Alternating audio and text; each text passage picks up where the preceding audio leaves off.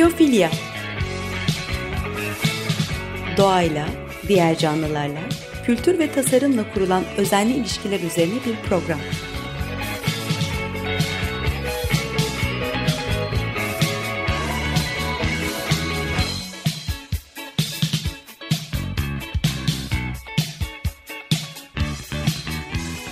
Hazırlayan ve sunan Nurhan Healer.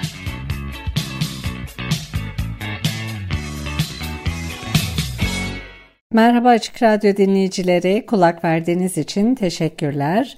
Bugünkü programda pet endüstrisinden, özellikle kedilerden, yaşam kalitesini artıran tasarımlar ve arka bahçedeki tavuklardan bahsedeceğim. Kedilerle başlayalım. Tamam kediler kemirgenlerin zararlarını azaltabiliyor. Fonksiyonel faydaları çok. Ancak insanların kedilerle yaşamaya başlamalarının daha temel sebeplerinden biri kedilerin insanlara kendilerini sevmeyi öğretmiş olmaları. Kediler öylesine cazip ve akıl çeliciler ki sıklıkla bu dünyanın ötesinde bir yerlerden gelen varlıklar olarak görülüyorlar. İnsanların kendileri dışındaki şeylere ihtiyaç duyduğu gerçeği var. Yoksa akıllarını kaçırabilirler. Animizm ki en eski ve en evrensel din olarak geçiyor. İnsan dışı hayvanları ruhsal olarak bizimle eşdeğer, hatta bizden daha üstün kabul ediyor. Kendimiz dışındaki bir hayatla etkileşime girme şansı buluyoruz. Avrupa Evcil Hayvan Maması Endüstrisi'nin yayınladığı son rapora göre 2022 yılı itibarıyla Türk hanelerinin %5'inde en az bir evcil köpek bulunuyor. Türkiye'de köpekle birlikte yaşayan hanelerin yüzdesi 2012 yılından beri pek değişmemiş. %5 ile %7 arasında değişiyor. Oysa kedilerle birlikte yaşayan haneler %15 civarında. 2012'de bu oran %9'muş. 2022'de kedilerle birlikte yaşayan haneler %15'lere çıkmış. Tabi bu oran Avrupa Birliği'ndeki diğer ülkelerde daha yüksek. İngiltere'de 2022 yılında kediyle yaşayan haneler %28, Avrupa'da toplam pet sayısı 340 milyon, kedi nüfusu %26, köpek nüfusu %25, en az bir peti olan haneler 91 milyon, yıllık pet maması satışı 29 milyar euro civarında, yıllık mama satışı 10,5 milyon ton, yıllık büyüme %3,5, pet maması şirket sayısı 150, endüstride çalışan sayısı ise 950 bin. 2023 yılında yapılan bir araştırmaya göre Amerika Birleşik Devletleri'nde evcil hayvan sahiplerinin en büyük payı %33 ile Y kuşağına ait. Onu ikinci sırada %25 ile X kuşağı takip ediyor. Ee, baby boomerlar evcil hayvan sahiplerinin yaklaşık %24'ünü temsil ediyorlar. Z kuşağının payı ise %16. Köpekler 2022 yılında Güney Kore'de evcil hayvan sahibi olan yaklaşık 6 milyon hane arasında en popüler evcil hayvan türü. Kediler ise açık ara ikinci sırada yer alıyor. Köpeklerle yaşayan hane oranı %76, kedilerle ise %28. Evcil hayvan mamasının çoğu Amerika Birleşik Devletleri'nde üretiliyor. Bunu Çin ve Birleşik Krallık takip ediyor. Amerika Birleşik Devletleri 2022'de ikinci sıradaki Çin'den neredeyse 8 kat daha fazla gelir elde ederek açık ara önde gidiyor. Yiyecek ve ödüller petler için e, ABD'deki toplam evcil hayvan pazarı gelirinin en büyük payını oluştururken bunu veterinerlik hizmetleri ve ürünleri takip ediyor. Amerika merkezli Mars Pet Care 2021 yılında gelir bazında dünya çapında lider evcil hayvan maması şirketi oldu. Şirket 19 milyar dolar gelir elde ederken onu Nestle Purina Pet Care ve Hills Pet Nutrition takip etti. Dünya çapındaki en büyük 8 evcil hayvan maması şirketinin tamamının genel merkezi Amerika'da bulunuyor. Amerika dışındaki en başarılı evcil hayvan maması şirketi Japon üretici Unicharm Corp. Küresel evcil hayvan maması pazarı her yıl istikrarlı bir şekilde büyüyor. Toplam satışların 2022'de 123 milyar doların üzerinde zirveye ulaşacağı tahmin ediliyordu. Evcil hayvan maması pazarı standart kuru mamalardan doğal ve taze evcil hayvan maması seçeneklerine kadar geniş bir ürün yelpazesine sahip. Pazar son yıllarda büyük ölçüde çeşitlendi. İnsanların gıda tüketimindeki eğilimler evcil hayvan dünyasına da girdi.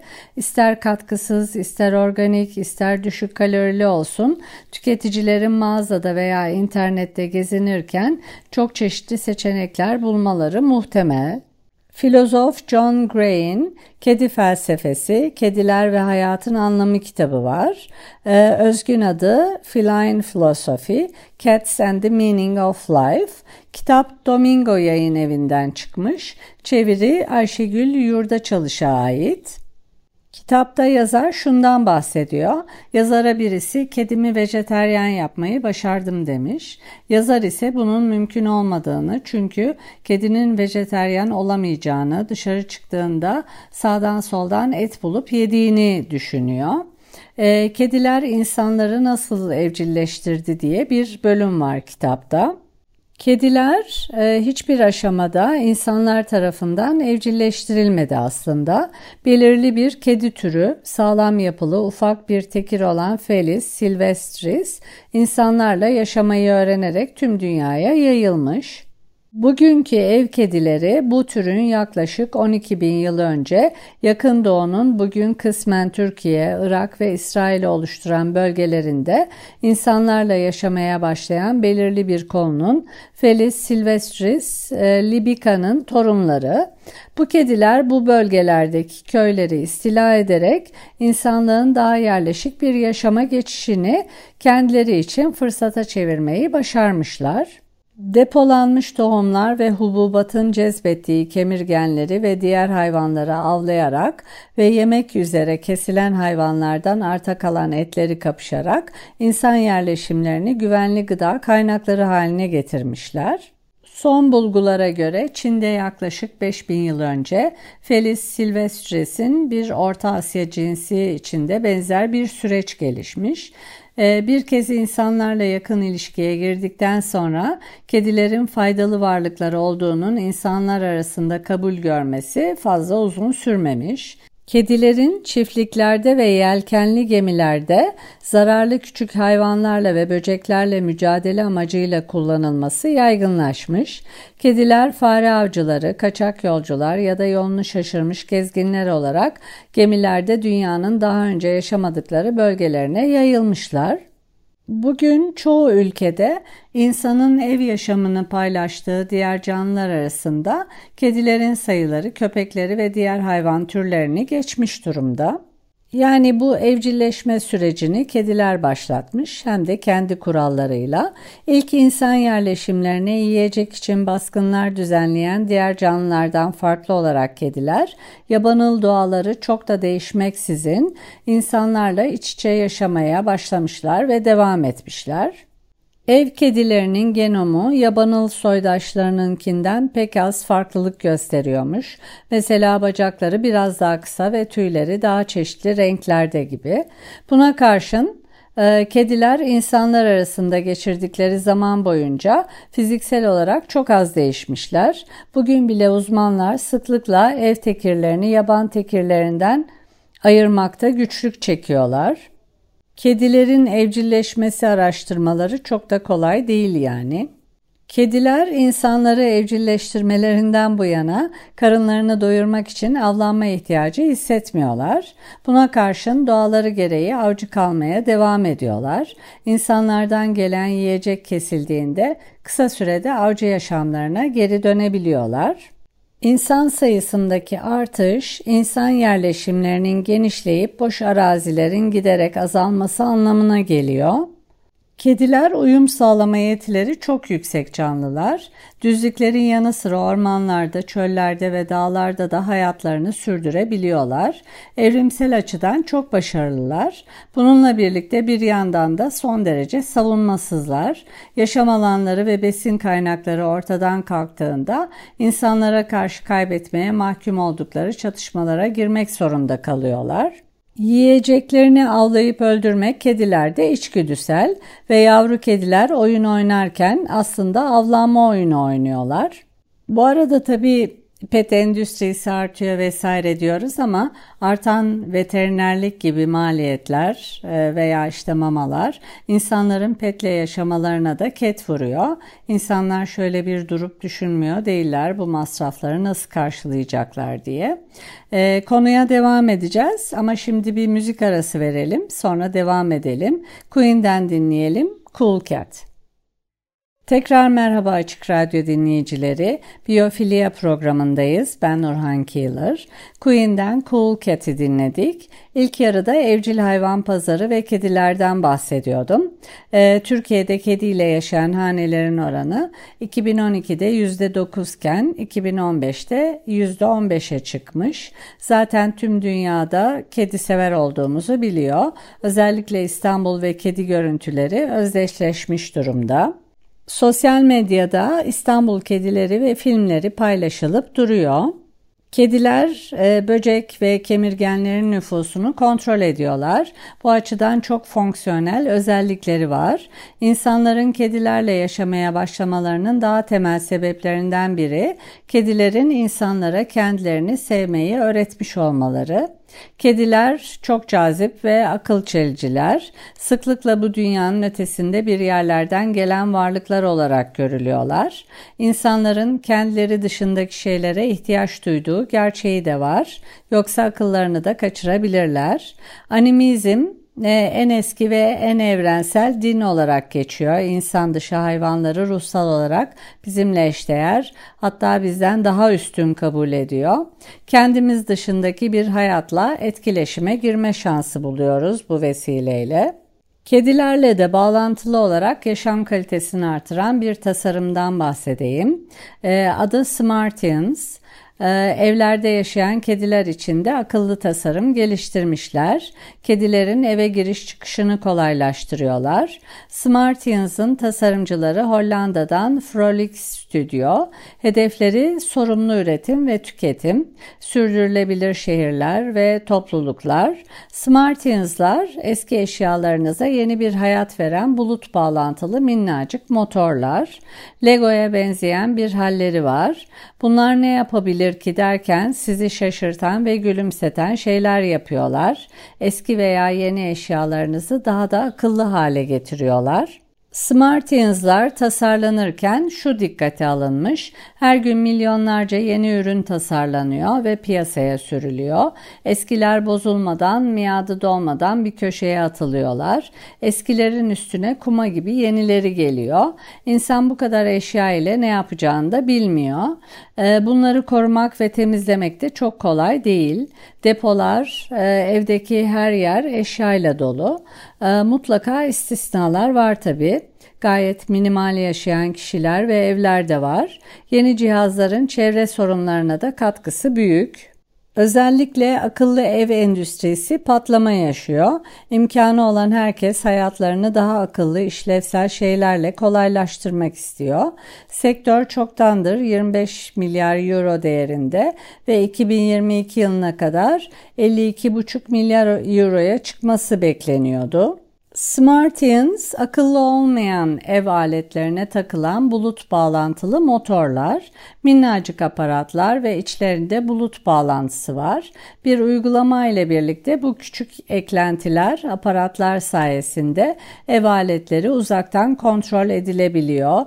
Basmak, itmek, çekmek, çevirmek ve daha fazlasını yapabiliyor bu aletler. Yani akıllı yeni cihazlar almak yerine evdeki akıllı olmayan cihazları akıllı hale getirebiliyorsunuz. Ee, Smart Yansların güzel tarafı esneklik sağlamaları, her pozisyon için ayarlanabilir olmaları. Tasarımın boyu ve motorun döneceği yönde ayarlanabiliyor. Yani kullanıcının elleriyle yapabileceği hemen her şeyi yapabiliyorlar. Hap buluta bağlı ve evdeki tüm e, akıllıları kontrol ediyor. Aydınlatmayı kablosuz olarak kontrol edebiliyorsunuz. Perdeleri istediğiniz zaman kapatıp açabiliyorsunuz. Akvaryum varsa uzaktaysanız, seyahatteyseniz veya tembellik yapmak istiyorsanız balıkları besleyebilirsiniz. Çiçekleri sulamayı, pikabı çalıştırmayı, eski kettle'ınızı çalıştırmayı, kedinin eve giriş çıkışını bile kontrol edebiliyorsunuz. Kedinin eve girip çıktığı yer otomatik olarak kontrol edilebiliyor. Ee, şimdi tavuklardan bahsedeyim. E, biliyorsunuzdur artık yeni petler evimizin evcil hayvanları tavuklar. Avrupa'da Belçika gibi bazı ülkeler hanelere tavuk dağıttı ki çöp oranları azalsın diye. 2010 yılında da Muskron ya da Muhon kasabası en az 2 yıl boyunca öldürmemeleri şartıyla yerel hanelere 50 çift tavuk dağıtmıştı. Köy tavukları çöpe giden istenmeyen yiyeceklerin miktarını azaltarak topluluklarına sağladıkları faydalar listesine gıda geri dönüşümcüsü rolünü de ekliyorlar. Austin, Texas bu konuda öncü yerlerden biri. Programın amacı çöplüklere giden gıdayı arka bahçedeki tavuklara yönlendirerek azaltmak. Çöp alanlarındaki istenmeyen yiyecekler güçlü bir sera gazı olan metan üretiyorlar. Arka bahçedeki tavuklara verilen istenmeyen yiyecekler, çöpler, e, güçlü bir protein kaynağı olan taze yumurtaların oluşmasını sağlıyor. Kümes hayvanları besleyen bir arkadaşım demişti. Biz onlara çöp veriyoruz, onlar bize yumurta. İnsan tüketimi için üretilen gıdaların yaklaşık üçte biri yenilmeden e, çöpe gidiyor. Belediye katı atıklarının yaklaşık yüzde on beşi gıda, Amerika'da her kişi her yıl yaklaşık 135 kilo yiyeceği çöpe atıyor. Amerika'da atık depolama maliyetleri 2010'dan beri %20 oranında artmış. İstenmeyen yiyecekler yoğun nüfuslu alanların yakınında çöp depolama kapasitesini zorluyor artık. Peki bir tavuk ne kadar yiyecek tüketebilir? Dolayısıyla çöpe gidecek ne kadar gıda atığı kurtarılabilir? E, bu bir test çalışması haline de gelmiş. E, test çalışması Philadelphia Penn'de ve yakınında bulunan 8 haneyi kapsıyor. Eylül 2018'den Ocak 2019'a kadar e, arka bahçelerinde tavuk sahibi olan yerlerin yiyecek atıkları her ay bir hafta boyunca tartılmış. Evdeki yiyecek atıklarının çöpe atılmamasından elde edilen maliyet tasarrufu, e, yiyecek atıklarının çöp sahasına atılması alternatifiyle karşılaştırılmış. Katılımcılar arka bahçelerindeki tavuklarını besledikleri evdeki yiyecek atıklarını tartmışlar. İncelenen 5 hafta boyunca yiyecek atıklarının toplam ağırlığı hesaplanmış. Her katılımcı için ortalama tavuk sayısı belirlenmiş ve katılımcının çalışmada bulunduğu hafta sayısıyla çarpılmış. Sonuç bir tavuğun bir hafta içinde tüketmesi beklenebilecek evdeki yiyecek atıklarının ortalama ağırlığı. Ortalama beklenen haftalık tüketim daha sonra 52 ile çarpılarak ortalama beklenen yıllık tüketime ilişkin bir tahmin elde edilmiş. Çoğu ölçüm haftasında araştırma çalışmasına 44 e, tavuk dahil edilmiş. İncelenen 5 hafta boyunca tüketilen gıdanın toplam ağırlığı 158 kilo. E, bir tavuk yılda yaklaşık 83 kiloluk evdeki yiyecek atıklarını tüketiyor. Austin, Texas, Mayıs 2019'da yönetim maliyetlerini azaltmak için arka bahçe tavuklarını kullanan bir kamu programına sahip tek belediyeydi. Dolayısıyla bunların maliyetleri analizde tahmin olarak kullanıldı. Bir ton organik atık malzemeyi bertaraf etmenin maliyeti yaklaşık 163 dolar. Bu nedenle 4 bahçe tavuğundan oluşan küçük bir kümes imha maliyetinde yılda yaklaşık 27 dolar tasarruf sağlıyor. Vatandaşlara tavuk kümesi satın almaları için 75 dolar ödeyen bir belediye programa başladıkları gün itibarıyla doların bugünkü değeriyle 150 dolar kazanmayı, %34'lük bir getiri elde etmeyi bekleyebilir.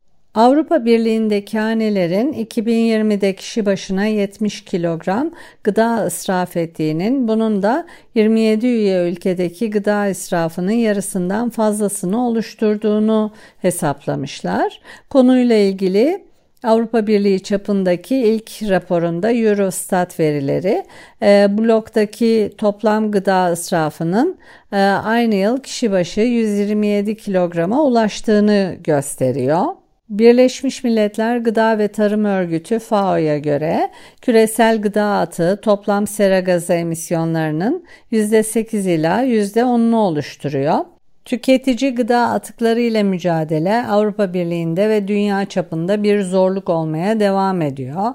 Eurostat, e, COVID-19 salgınının ilk yılında Avrupa Birliği'ndeki toplam gıda atıklarının %55'inden hanelerin sorumlu olduğunu, geri kalan %45'inin ise gıda tedarik zincirinin diğer aşamalarında oluştuğunu söyledi.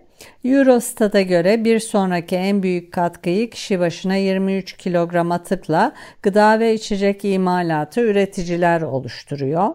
Restoranlar ve yemek hizmetleri 2020'de kişi başına 12 kilogram gıda israfına yani bloğun toplamının %9'una neden olurken perakende ve diğer gıda dağıtımları en az israfı gerçekleştiren grup oldu.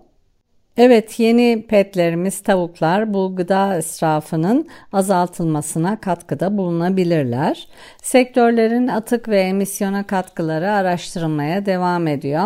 Bunlar devam edile dursun. Biz bir programımızın daha sonuna geldik. Ee, kulak verdiğiniz için teşekkürler. Açık Radyo Prodüksiyon ekibine edit için teşekkürler. Bir sonraki programda görüşmek üzere. Hoşçakalın.